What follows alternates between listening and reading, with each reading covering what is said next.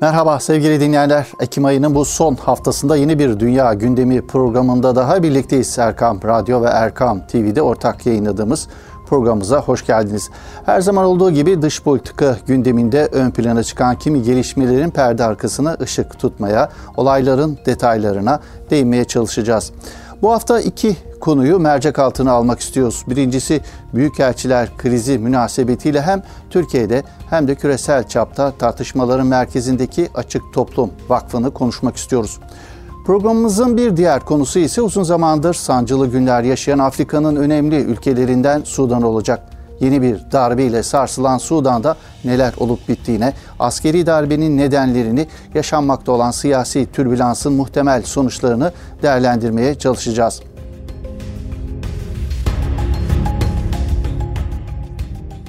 Hafta başından bu yana dış politika gündemini en çok meşgul eden gelişme ne oldu diye geriye doğru bakıldığında hem içeride hem de dışarıda en çok konuşulan konu olarak büyükelçiler krizinin ön plana çıktığı görülüyor.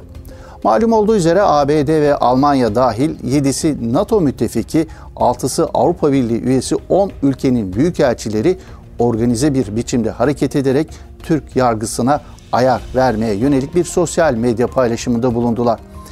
Yargılaması süren iş adamı Osman Kavala'nın AHİM yani Avrupa İnsan Hakları Mahkemesi kararları doğrultusunda derhal serbest bırakılmasını isteyen bir açıklamaydı bu.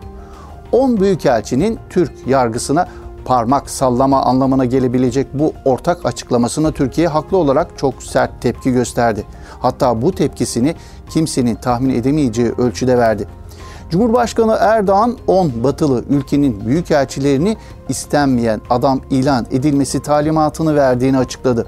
Türkiye'nin batı dünyası ile ipleri koparma tehdidi anlamına gelebilecek bu resti sonrası söz konusu ülkelerin başkentlerinin devreye girmesi ve yürütülen diplomasi trafiğiyle kriz aşılmış oldu. Batılı büyükelçilerden gelen bundan sonra Türkiye'nin iç işlerine karışmayacağız mealindeki açıklamayla tansiyonun düşmesi sağlandı.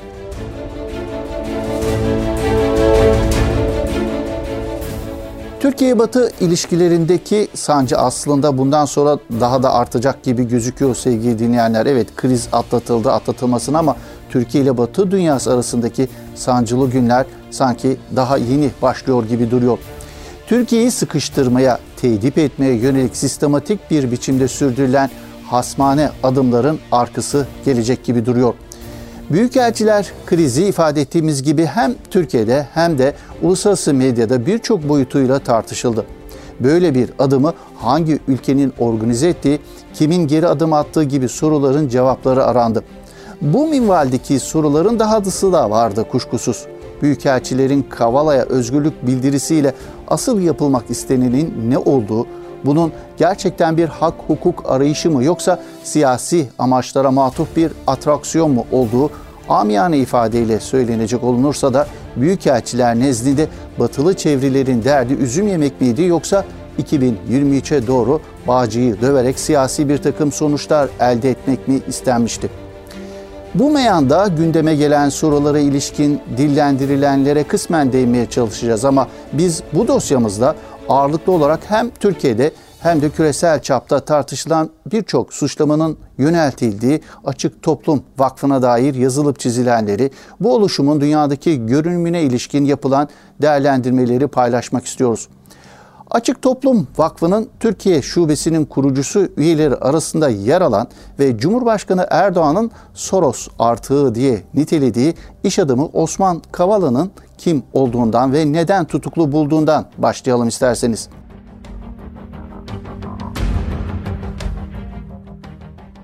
1957 Paris doğumlu Mehmet Osman Kavala Wikipedia'da yer alan bilgilerde insan hakları savunucusu ve hayırsever bir iş adamı olarak tanıtılıyor. 1990'ların başından beri birçok sivil toplum kuruluşuna destek olduğu 2002'den beri kar amacı gütmeyen bir kültür kurumu olarak faaliyetlerini sürdüren Anadolu Kültür'ün kurucusu ve yönetim kurulu başkanı olduğuna da vurgu yapılıyor. İş adamı ve insan hakları savunucusu olarak takdim edilen Osman Kavala 1 Kasım 2017 tarihinden beri tutuklu bulunuyor. Peki ne ile suçlanıyor? Gezi Parkı olayları, 17-25 Aralık kumpasları ve 15 Temmuz darbe girişimine ilişkin soruşturma kapsamında tutuklanan Kavala, Gezi Parkı davasından beraat etti. Ancak serbest kalmadan aynı gün 15 Temmuz soruşturması kapsamında yeniden gözaltına alındı ve sevk edildiği nöbetçi Suh Ceza Mahkemesi'nce hakimliğince tutuklandı. O tarihten bu yana da tutukluluğu sürüyor. Osman Kavala için hazırlanan ikinci iddianamede ise Kavala'nın George Soros'a bağlı çalıştığı belirtiliyor. Demografik farklılıkları ön plana çıkartarak Arap coğrafyasında olduğu gibi Türkiye'de de ülke yönetimini değiştirmeyi hedeflediği de yine iddianamede yer alan suçlamalar arasında. Uluslararası arenada Türkiye'nin imajını zedelemeye ve terör örgütü PKK'yı sempatik göstermeye çalışan bazı çevrelerin Kavala tarafından finanse edildiği de ileri sürülüyor. Aynı zamanda Türk vatandaşı da olan eski CIA danışmanı Henry Barkin'in hem Gezi kalkışması hem de 15 Temmuz darbe girişimi döneminde Türkiye'de bulunmasının tesadüf olmadığı belirtilirken Kavala ve Barki siyasi ve askeri casusluk ve anayasal düzeni ortadan kaldırmaya teşebbüs etmek ile suçlanıyor. İki sanık hakkında ağırlaştırılmış müebbet ve 20'şer yıla kadar hapis cezası talep ediliyor. İddianamedeki bu suçlamalara mukabil Türkiye'deki kimi muhalif çevreler ve birçok Avrupalı ülke yönetimleri Kavala'ya yönelik suçlamaların hukuki anlamda mesnetsiz olduğunu ileri sürüyor. 11 Şubat 2021'de Amerika yönetimince yapılan açıklamada Kavala aleyhindeki davaların birleştirilmesi ve yargılanmasının sonuçlanmasının geciktirilmesinin demokrasiye olan saygıyı baltalamaktadır denilerek Osman Kavala'nın derhal serbest bırakılması istenmişti ABD yönetimince. Avrupa İnsan Hakları Mahkemesi de 10 Aralık 2019'da Osman Kavala'nın makul şüphe bulunmadan siyasi gerekçelerle tutuklandığını ileri sürmüş ve Kavala'nın tutukluluğunun derhal sona erdirilmesini talep edilmişti. Avrupa İnsan Hakları Mahkemesi kararlarına uyulup uyulmadığını denetleyen 47 üyeli Avrupa Konseyi Bakanlar Komitesi de geçtiğimiz Eylül ayında yaptığı açıklamada Avrupa İnsan Hakları kararına rağmen serbest bırakılmayan Osman Kavala ve eski HDP eş genel başkanı Selahattin Demirtaş'ın serbest bırakılmaması halinde Türkiye hakkında yasal süreç başlatılacağı duyurulmuştu.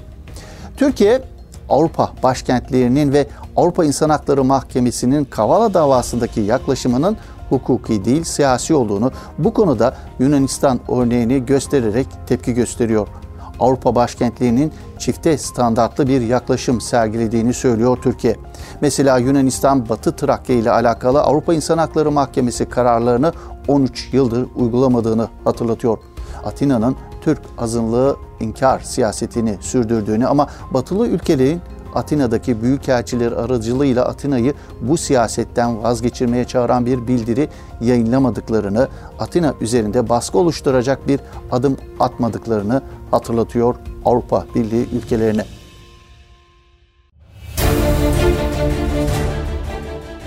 Evet, küresel çapta tartışılan isim Soros ve vakfına gelinecek olunursa, Osman Kavala davasına ilişkin tartışılan tablo böyleydi. Şimdi gelelim Osman Kavala ile birlikte tartışmanın odağındaki bir diğer konu olan milyarder iş adamı George Soros'un Açık Toplum Vakfı'nın dünya genelindeki görünümüne. Türkiye Şubesi'nin kurucu üyeleri arasında iş adamı Osman Kavala'nın da yer aldığı Açık Toplum Vakfı, Türkiye'de olduğu gibi tüm dünya genelinde de tartışmaların merkezinde yer alıyor.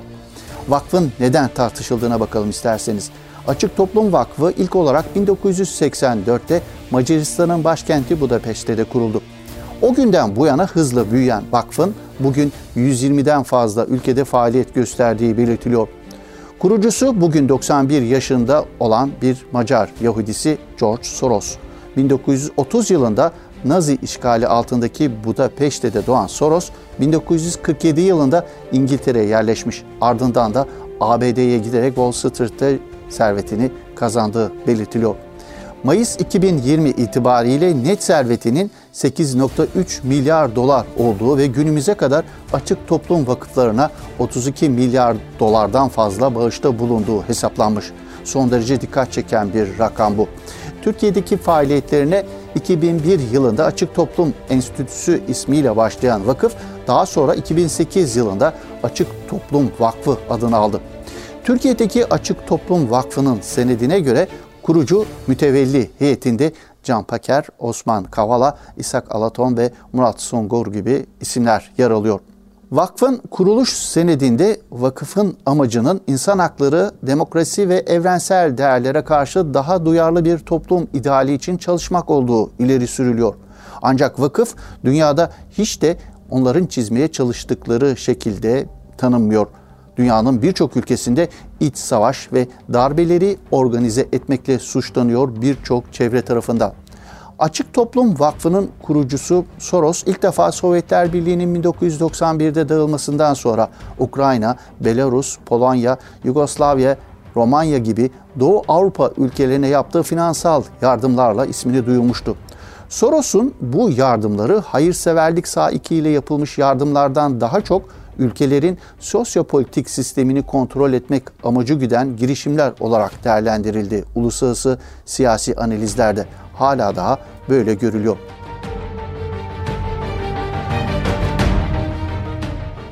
Dünyanın birçok ülkesinde suçlamaların odağında yer alan Yahudi milyarder George Soros ve vakfı özellikle de vatandaşı olduğu Macaristan'da istenmeyen adam olarak anılıyor Soros. O derece ki Macar hükümeti Soros'u kurucu olduğu vakıf ve diğer yurt dışı bağlantılı sivil kuruluşların faaliyetlerini denetim altına almak ve mali desteklerini sınırlamak için Soros'u durdur adı verilen bir yasa dahi çıkartmışlardı.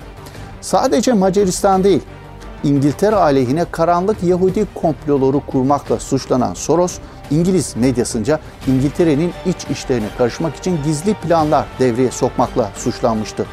Sterlin'e karşı pozisyon alan Soros için İngiltere Merkez Bankası'nı deviren adam yakıştırmaları dahi yapıldı. Birçok ülke gibi Soros'un Açık Toplum Vakfı'nın faaliyetlerini sollandıran bir başka ülke ise Rusya. 2015 yılında derneğin faaliyetlerine Rusya Federasyonu'nun anayasal sisteminin temeline ve devletin güvenliğine tehdit teşkil ettiği gerekçesiyle son verilmiştir.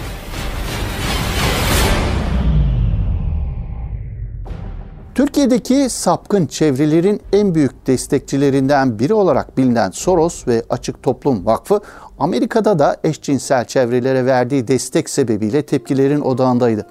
Bu arada bu noktada küçük bir anekdot aktaralım.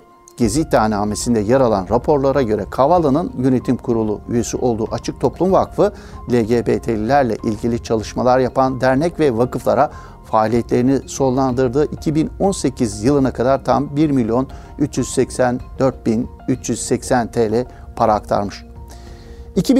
2016 yılındaki ABD başkanlık seçimleri sırasında da Hillary Clinton kampanyasına 10 milyon dolar bağış yapması sebebiyle de Amerikan kamuoyunda eleştirilmiş söz konusu vakıf.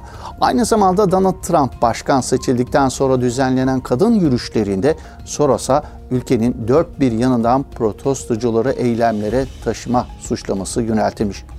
ABD'deki Breitbart haber ağı Soros'un kendi kişisel serveti için hükümetlerin istikrarına karşı faaliyetlerde bulunduğunu ve solcu kampanyaları desteklediğini kaleme almış bir yazıda.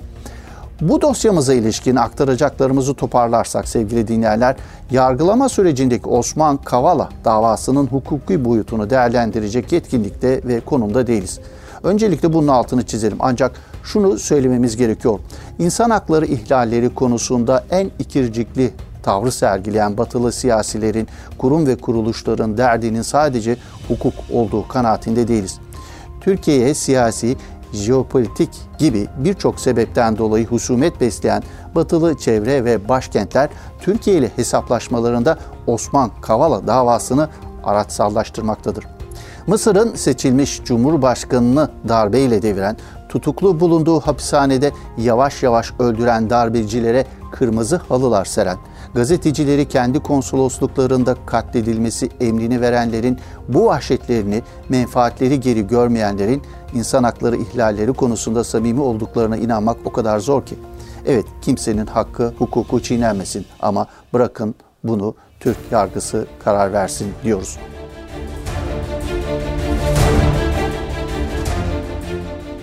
Bu haftanın dış politika gündeminin bir diğer önemli başlığı Sudan'daki darbeydi sevgili dinleyenler. Sudan Egemenlik Konseyi Başkanı Orgeneral Abdülfettah El Burhan 25 Ekim tarihinde Başbakan Abdullah Hamdok liderliğindeki sivil yönetimi feshetmiş ve olağanüstü hal ilan etmişti. Daha sonra ise Temmuz 2023'te yapılması planlanan seçimlerle birlikte Sudan'ı sivil yönetime geçirme konusunda kararlı olduğunu söylemişti. İki yıl önce 30 yıllık Ömer El-Beşir iktidarını deviren askerler bu kez de bir anlamda koalisyon ortaklarından olan yönetimin sivil kanadına darbe yaparak 2023'teki seçimlere kadar ülkenin tek patronu benim demiş oldu. Böylece Sudan iki yıl aradan sonra yeniden yeni bir siyasi türbülansa girmiş bulunuyor sevgili dinleyenler. Peki bundan sonra Sudan'ı neler bekliyor? Ömer el-Beşir'in devrilmesi sonrası devrimlerini askerlerin çalmalarının tam olarak önüne geçemeyen Sudan halkı bu sefer ülkelerini askeri vesayetten kurtarabilecekler mi? Yoksa ipler tamamen askerlerin eline mi geçecek? Siyasi türbülanstan bir türlü kendini kurtaramayan Sudan'da neler olup bittiğini 2-3 yıl öncesinden anlatmaya başlayalım isterseniz. 2018 yılında Sudan geç kalmış bir Arap Baharı yaşadı. Ekmek kriziyle başlayan protestolar Sudan'da 1989'daki kansız darbe ile iktidara gelen devlet başkanı Ömer el-Beşir'in 30 yıllık iktidarının son bulmasına neden olmuştu. Sayısız dış ve iç krizi atlatıp 30 yıldır Sudan devlet başkanlığı koltuğunda oturan Ömer el-Beşir'i devirmeye götüren süreç ekmek fiyatlarını 3 katına çıkmasıyla başlamıştı. Ardından da protestolar halkın patlayan öfkesine dönüşmüş. Günlerce süren protestoların ardından da askeri müdahalesiyle Ömer el-Beşir dönemi sonlanmıştı. Sudan'da ekonomik gerekçelerle başlayan isyanın nedenleri sadece ekonomik değildi kuşkusuz. Birçok Arap rejimi için dillendirilen eleştiriler Ömer el-Beşir yönetimi için de dillendiriliyordu antidemokratik uygulamalar, adaletsizlik, yolsuzluk suçlamaları Beşir yönetimine yönelik dillendirilen eleştirilerin başında geliyordu mesela.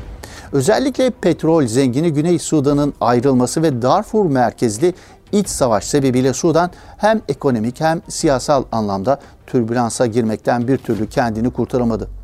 Ömer el-Beşir yönetimini kurtarmak için siyasi anlamda bir takım radikal savruluşlara da imza atmıştı. Mesela ABD ile ilişkileri düzeltmek adına İran cenahından İran karşıtı Suudi Arabistan bloğuna taşındı. Suudi Arabistan ve Birleşik Arap Emirlikleri'nin Yemen'deki savaşına destek verdi. Ömer el-Beşir, İran karşıtı bloğun saflarına geçince ABD ile ilişkilerini yumuşatma imkanı buldu. Bununla da yetinmedi. Körfez ülkelerinin İsrail ile ilişkileri normalleştirmek için yarıştığı bir dönemde İsrail'e ılımlı mesajlar gönderdi Ömer el-Beşir. İsrail'in Güney Sudan hava sahasını kullanma talebine izin verdi. Bu radikal savruluşlar El-Beşir'in İsrail ile olan ilişkilerinde sergilediği tutarsız tavrın bir delili olarak görüldü. Ömer el-Beşir, Savakin adasını Türkiye'ye tahsis etmesine yönelik Mısır'dan yükselen tepkilerin ardından soluğu darbeci Sisi'nin yanında almıştı. Eli kanlı Esed'i ziyaret eden ilk Arap lider olma ünvanını da aldı el-Beşir.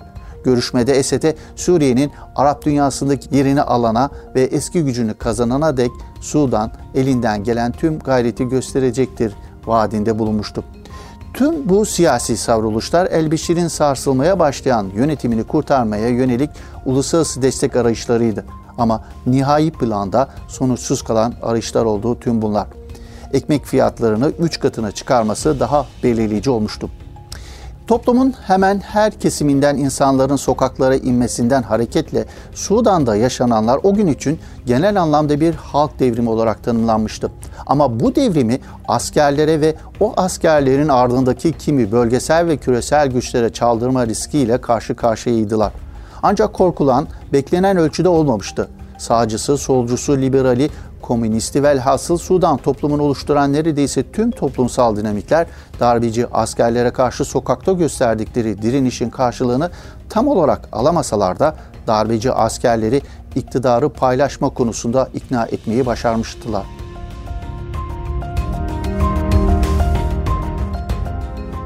21 Ağustos 2019 tarihinde askeri geçiş konseyi lav edilerek yerine egemenlik konseyi kurulması konusunda anlaşan asker ve siviller dönüşümlü olarak değişecekleri konseyin başkanlık koltuğuna ilk olarak askerlerin oturmasını konusunda da anlaştılar.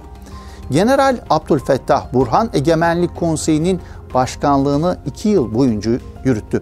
Yardımcılığını ise 1990'larda Darfur'da uyguladığı acımasız yöntemler ve 2019'daki Hartum katliamının sorumlusu olmakla suçlanan paramiliter hızlı destek güçlerinin komutanı Orgeneral Muhammed Hamdan Dagulu yaptı. Başbakan olarak ise Batı'nın desteklediği bir isim olarak Abdullah Hamduk yapıyordu. Sivil siyasi oluşumlar ve askerler birlikte yola koyduklarında önümüzdeki Kasım ayında Egemenlik Konseyi'nin başına bir sivilin geçmesi ve ülkeyi 2023 seçimlerine kadar idare etmeyi planlamıştılar. Ama Kasım ayı gelmeden bu ortaklık bozuldu. Aslında ortaklığın bozulacağına dair emareler çok önceden gelmeye başlamıştı. Ordu ile sivil yönetimin destekçileri arasında aylardır artarak devam eden bir gerginlik yaşanıyordu. Özgürlük ve değişim bildirgesi güçleri şemsiyesi altında bir araya gelen ve daha çok devrik lider Ömer Elbeşir karşıtı ve sol tandanslı partilerden ve kimi sendikalardan müteşekkil yönetimin sivil kanadı ordu liderliğindeki hükümetin bir an önce sivillere devredilmesi için sık sık çağrıda bulunuyordu. Buna mukabil ordu yanlısı toplumsal kesim ise ekonomik anlamda ülkenin devrik lideri Ömer Elbeşir döneminden çok daha kötü durumda olduğunu söylüyordu. Abdullah Hamdok yönetiminin ülkenin karşı karşıya olduğu sorunları çözmede başarısız olduğunu savunuyorlardı. Gerçekten de Sudan ekonomisinde alarm zilleri çalıyor. O derece ki yıllık enflasyon %330'un üzerinde seyrediyor. Özellikle kimi kabileler ve özgürlük ve değişim bildirgesi güçlerinden ayrılanların oluşturduğu Misak-ı Vatan adı altında bir araya gelen 16 grup Abdullah Hamduk yönetimine karşı protesto gösterileri düzenliyorlardı.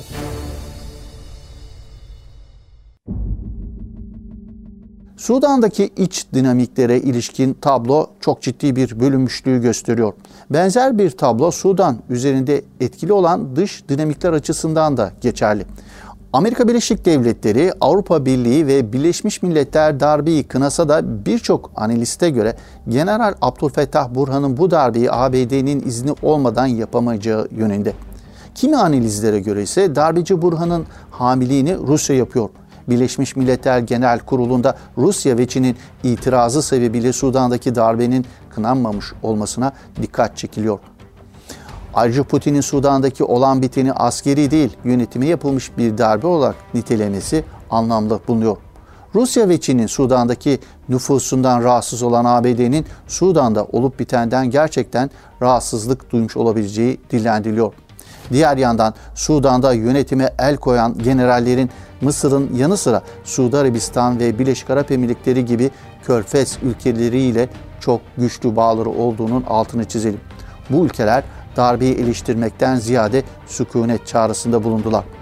Toparlarsak Sudan gerçekten zor günlerden geçiyor. Bu zor günleri aşmanın önünde gerçekten birçok sorun bulunuyor. Sudan toplumunu oluşturan iç dinamikler arasındaki ideolojik, etnik, sınıfsal bölünmüşlük, ekonomik sorunlar, askeri vesayet altındaki Sudan'ı düzlüğe çıkmanın önündeki en büyük engellerin başında geliyor mesela. Tüm bunların üstüne bölgesel ve küresel aktörlerin bu ülke üzerinde yürüttükleri nüfus ve güç mücadelesi Sudan'ın içine düştüğü kaostan kurtulmasını çok daha zorlaştırıyor. Dileğimiz Afrika'nın bu son derece önemli, gerçekten inanılmaz imkanlara sahip İslam ülkesinin halkının emperyalistlerin ve onların uydularının tuzağına düşmeden ülkelerini düzlüğe çıkartacak ortak bir zeminde ulaşabilmeleri.